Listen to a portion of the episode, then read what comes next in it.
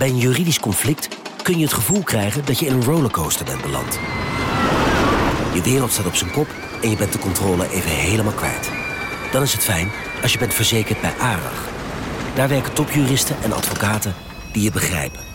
Die een stap extra voor je zetten. En je het gevoel van controle teruggeven. Met kennis en informatie, met heldere uitleg en met gericht advies. ARAG, juridisch probleemoplossers.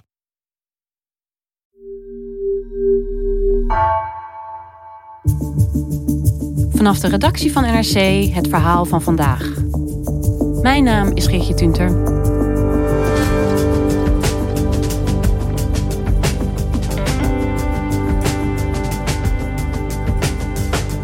Opsporingsdiensten lezen wereldwijd steeds vaker mee met versleutelde berichten van criminelen.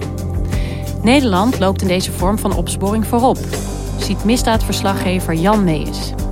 Maar na verschillende geruchtmakende hacks van cryptotelefoons rijst de vraag: hoe ver mogen politie en justitie hierin gaan?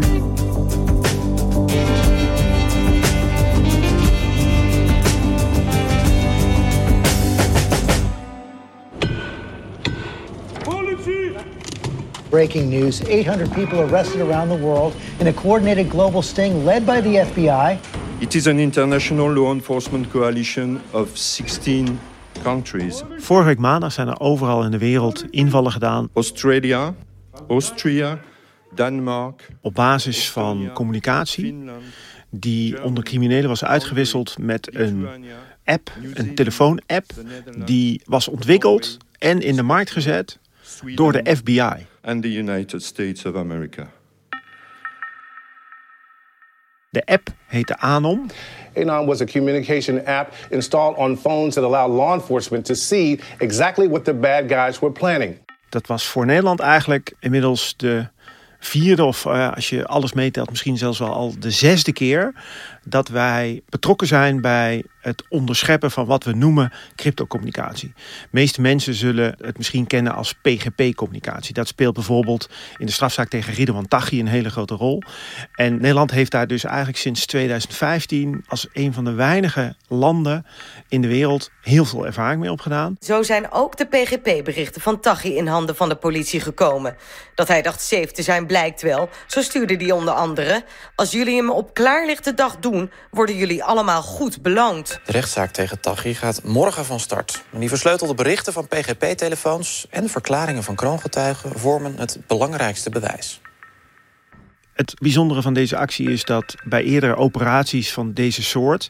was er eigenlijk sprake van het onderscheppen van berichten door de politie. En wat ze nu hebben gedaan, is dat ze gewoon zo'n platform zelf hebben gebouwd... waardoor ze eigenlijk zeg maar, vanaf dag één gewoon mee konden luisteren. En uh, nou heb ik al best wel veel meegemaakt als het gaat om de misdaad. Maar deze, die kenden we nog niet. Dus daar zal ongetwijfeld nog heel veel uh, kritiek op komen. Dat moeten we niet willen, dit soort dingen. Want dan faciliteren we de georganiseerde misdaad. De politie zal zeggen, ja, het is zo belangrijk dat we dit soort criminelen in beeld krijgen. Dat wij dit, wat we dan met een mooi juridisch woord, proportioneel noemen. Dus dat het, het, dit middel het doel heiligt. En de vraag is dan, hoe ver kan de politie daarbij gaan?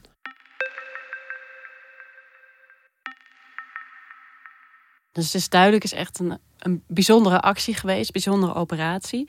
Je zei net hè, dat Nederland al meerdere malen betrokken is geweest Mhm. bij dit soort crypto-hacks.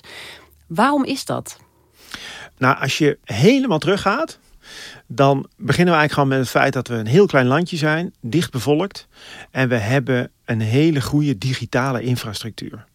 Dus het trekt zeg maar allerlei industrie aan en die gebruiken die infrastructuur voor eh, niet-legale dingen, zeg ik heel vriendelijk. Voor waar criminelen behoefte aan Ja, hebben. voor waar criminelen behoefte aan hebben. Dus die criminelen die zijn daar al sinds 2008, 2009 zijn ze daarmee bezig. En dat wordt dan gemaakt door handige eh, jongens en meisjes in Nederland. En eh, wat je de- later hebt gezien is dat die markt voor wat we dus cryptocommunicatie noemen. Dus eigenlijk is dat gewoon zeg maar, het versturen van berichten.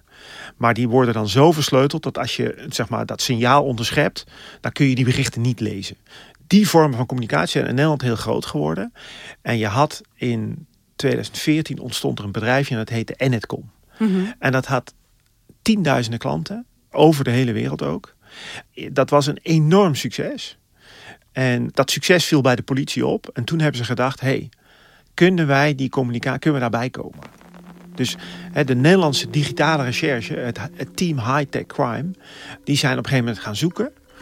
En toen vonden ze de computer, de server, waar al die berichten van Editcom samenkwamen. Politie en justitie hebben cruciaal bewijsmateriaal gevonden tegen zware criminelen die verdacht worden van liquidaties, drugshandel en afpersing. Het gaat om zeer belastende gesprekken tussen boeven die zijn gevonden op de gekraakte server van Enetcom, een aanbieder van versleutelde telefoons waarmee criminelen communiceren. En toen haalden ze 3,6 miljoen berichten binnen en dat was eigenlijk de eerste stap in wat echt een ware revolutie is geweest. En nou, ik denk dat bij de politie zo gaan is, ja, maar als, als dit zo werkt, en er zijn nog veel meer van dit soort, wat we inmiddels noemen, crypto-communicatie uh, platformen. Ja, dan moeten we dan niet. Wat kunnen wij hier nog meer mee? Want als dit al zo'n succes is. en je hebt nog veel grotere aanbieders die wereldwijd opereren. kunnen wij daar dan uh, nog veel meer bewijs uit gaan halen. Ja, dus hè, Nederland had zijn naam gevestigd als het gaat om dit soort mm criminaliteit, opsporing van criminelen. En eigenlijk de doorbraak zou je Enetcom kunnen noemen. Mhm. Wat heeft Nederland sindsdien geleerd? Nou, kijk, Enetcom was uh, achteraf. Dus je hebt een server en daar zijn bericht, oude berichten opgeslagen en die zijn ze gaan teruglezen. Mhm. Toen is de vraag opgekomen, wat nou als wij in plaats van achteraf terugkijken live mee kunnen lezen. Ja, veel beter natuurlijk. Want dan kan je, zeg maar, als je achteraf leest over liquidaties, dan kan je misschien nog de schutters opsporen en voor de rechter brengen. Maar als je mee kunt lezen, kun je het misschien wel voorkomen. Dat was eigenlijk de eerste stap naar de grote hack. En de grote hack was EncroChat. Goedenavond. Een aardschok voor de georganiseerde misdaad, zo noemt de politie het. Samen met de Franse opsporingsdiensten hadden ze toegang tot een groot versleuteld telefoonnetwerk. Wekenlang keken ze live mee met chatgesprekken van duizenden criminelen. Voor deze operatie zijn alleen al in Nederland meer dan 100 verdachten opgepakt, duizenden kilo's drugs onderschept en liquidaties voorkomen, volgens de politie. En wat alleen in spannende films leek te kunnen, speelde zich de afgelopen weken voor onze eigen ogen af. We keken wekenlang real-time mee over de schouders van de criminelen. En zo konden we ze meermaals een stap voor zijn. Het was alsof we bij de criminelen aan de vergadertafel zaten. Enkel dat was echt de grote klap, dat was de doorbraak. Maar uit die eerdere ervaringen wist de politie ook al in Nederland... van als je zo'n netwerk oprolt, dan gaan die criminelen naar de next best thing. Dus toen ze Encro hackten, waren ze ook al bezig met een nog groter netwerk. Het netwerk van Sky. En als Encro een hele mooie Mercedes was... dan werd Sky gezien als de Rolls Royce onder de cryptotelefoons. Hm. Ook zij pretendeerden wij zijn niet te hacken. Dus toen Encro plat ging, zag de politie... er gaat heel veel verkeer over naar Sky. Maar ze waren op dat moment al bezig met het kunstje wat ze bij Encro gedaan hadden... bij Sky nog een keer te herhalen. Opnieuw is het de politie gelukt een versleutelde berichtendienst voor criminelen te kraken. Het gaat om de berichtendienst Sky. Vandaag werd het uit de lucht gehaald. En volgens de politie is het een mokerslag voor de onderwereld. We gaan naar Lidwin Gevers. En dat patroon is dus de hele tijd hetzelfde, hè, zoals bij Encro. Dus op een gegeven moment verplaatst het hele criminele circuit zich naar een andere eh, omgeving. De opsporingsdiensten die kunnen het op een gegeven moment hacken. Dan wordt de boel op een gegeven moment weer opgedoekt. En dan verplaatst het hele circus zich dus weer. En het grappige is dus, of het interessante aan, dat, aan die Anom-operatie waar we het in het begin over hadden, is dat ze daar eigenlijk op geanticipeerd hebben. Dus ze hebben gedacht, oké, we hebben nu een app die we zelf hebben gebouwd en die we zelf in handen hebben, dus waar we zelf kunnen sturen wat we daar precies mee doen, kunnen wij dan zeg maar die app van ons presenteren als het meest betrouwbare alternatief. Ja. Anom. En uh, bij de, de persconferentie vorige week uh, zei Janine van den Berg, een van de, de politiechefs, de belangrijkste politiechefs van Nederland, die zei: ja, Het mooie was dat we op een gegeven moment bepaalde criminelen mond-op-mond reclame zagen maken voor de politie-app, als ik het zo mag zeggen. Hundreds of criminal organizations were using this platform. It has a good reputation among criminals. They mutually promote it as the platform you should use for its absolute reliability. But nothing was further from the truth.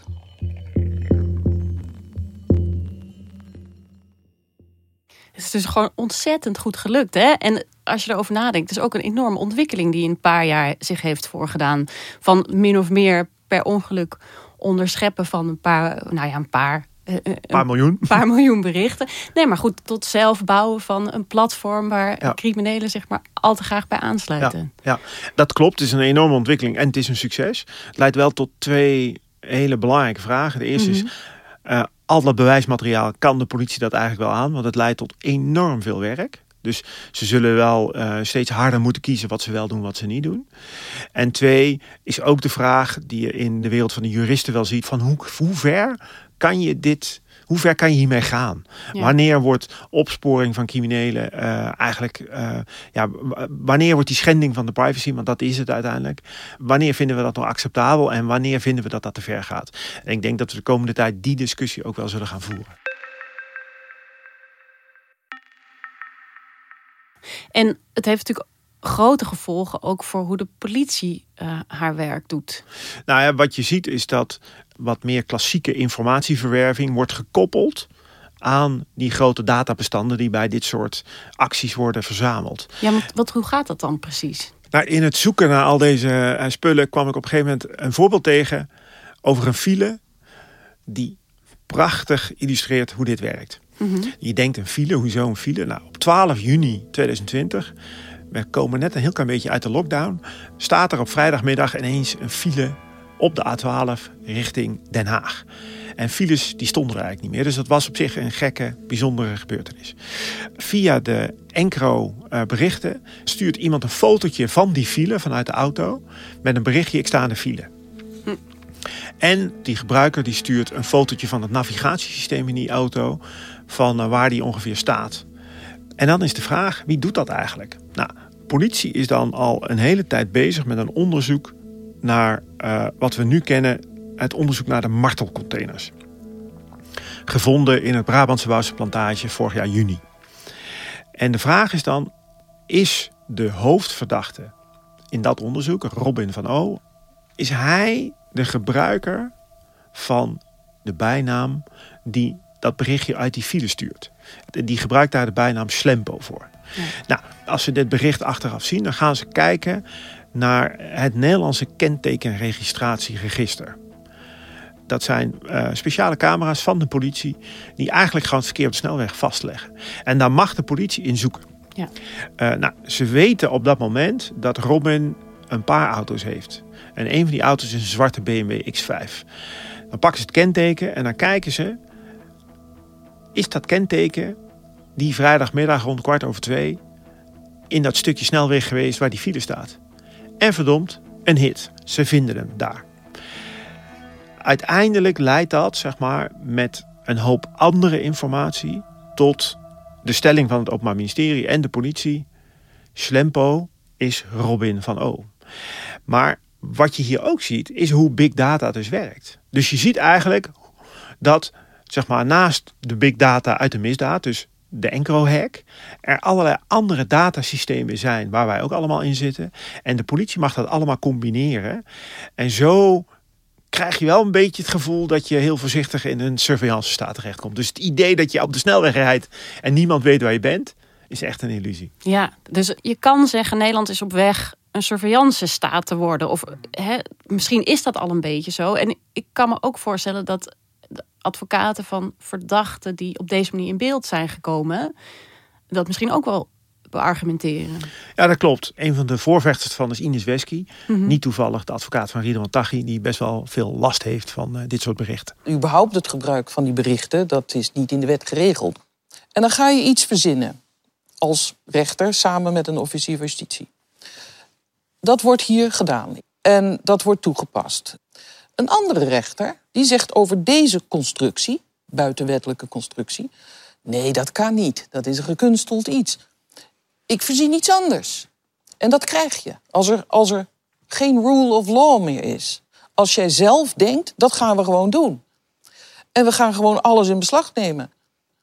Maar EncroChat, dat is, zoals jij het ook omschreef, een eh, platform waar ja, criminelen versleutelde berichten aan elkaar sturen. Dat, dat lijkt me op zich prima, toch? Als je dat zou willen hacken als overheid. Nou ja, dit zeg maar wat jij nu verwoordt is het standpunt van uh, wat ze bij het Openbaar Ministerie ook zeggen. En uh, wat ze ook wel in Engeland gezegd hebben van nou, weet je, het feit dat Encro voornamelijk door criminelen zou worden gebruikt, was aan het begin van de opsporingsoperatie was eigenlijk een aanname. Want je weet dat natuurlijk nooit helemaal zeker. Mm. En dan is er een, een Britse rechtsgeleerde geweest die heeft gekeken van nou ja, als je dan achteraf gaat kijken naar wat de politie allemaal gevonden heeft, dan moet je vaststellen dat die aanname klopte. En gezien die goede inschatting van de politie, vind ik dat die operatie eigenlijk wel proportioneel was. Dat het een mhm. hele ingrijpende maatregel was, maar ook wel een achteraf gezien te rechtvaardige maatregel.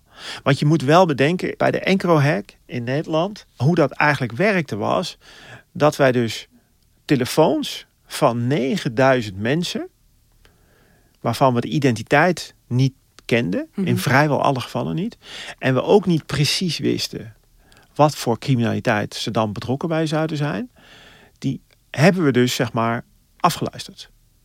Daar hebben we meegelezen. Als ze jou of mijn telefoon willen tappen, dan zeggen we nee, dan moet je wel weten dat dat de telefoon is van iemand die vermoedelijk strafbare feiten pleegt. Dus dan moet je een aanleiding hebben om dit te doen. En, en in dit geval was de aanleiding dus gewoon de aanname. En, ja, wat, wat crypto-telefoongebruikers en criminelen. Van?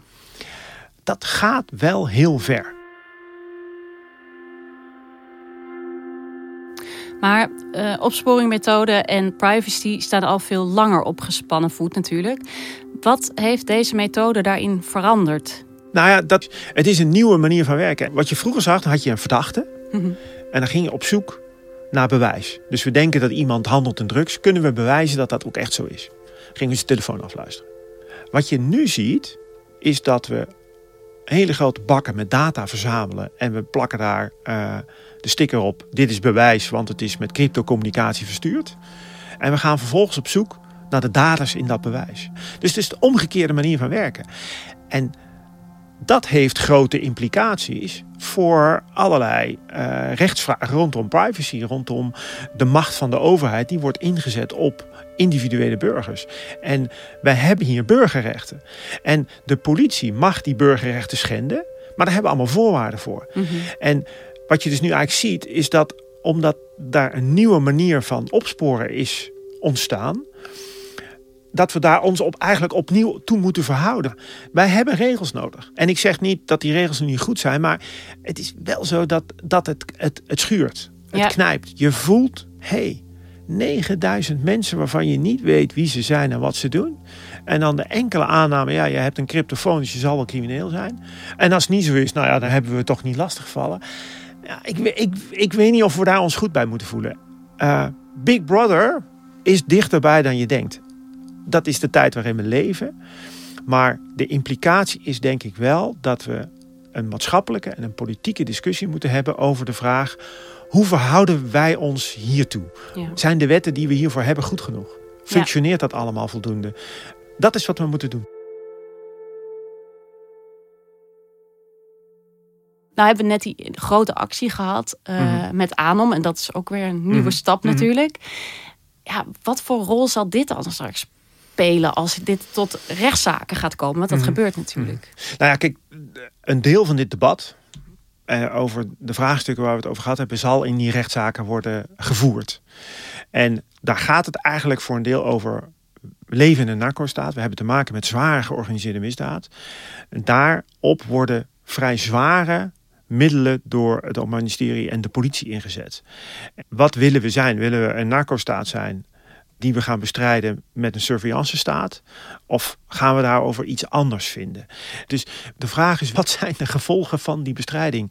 Uh, zeg maar impliciet. Gaan we impliciet eigenlijk niet veel verder dan we zouden willen? Dat raakt wel de kern. Dus narco-staat versus surveillance staat is wel een, uh, een mooi begrippenpaar in deze. Dankjewel Jan. Graag gedaan. Je luisterde naar Vandaag, een podcast van NRC. Eén verhaal elke dag. Deze aflevering werd gemaakt door Wijken van Koolwijk, Henk Ruigrok van der Werven en Jan-Paul de Bond. Dit was vandaag, morgen weer.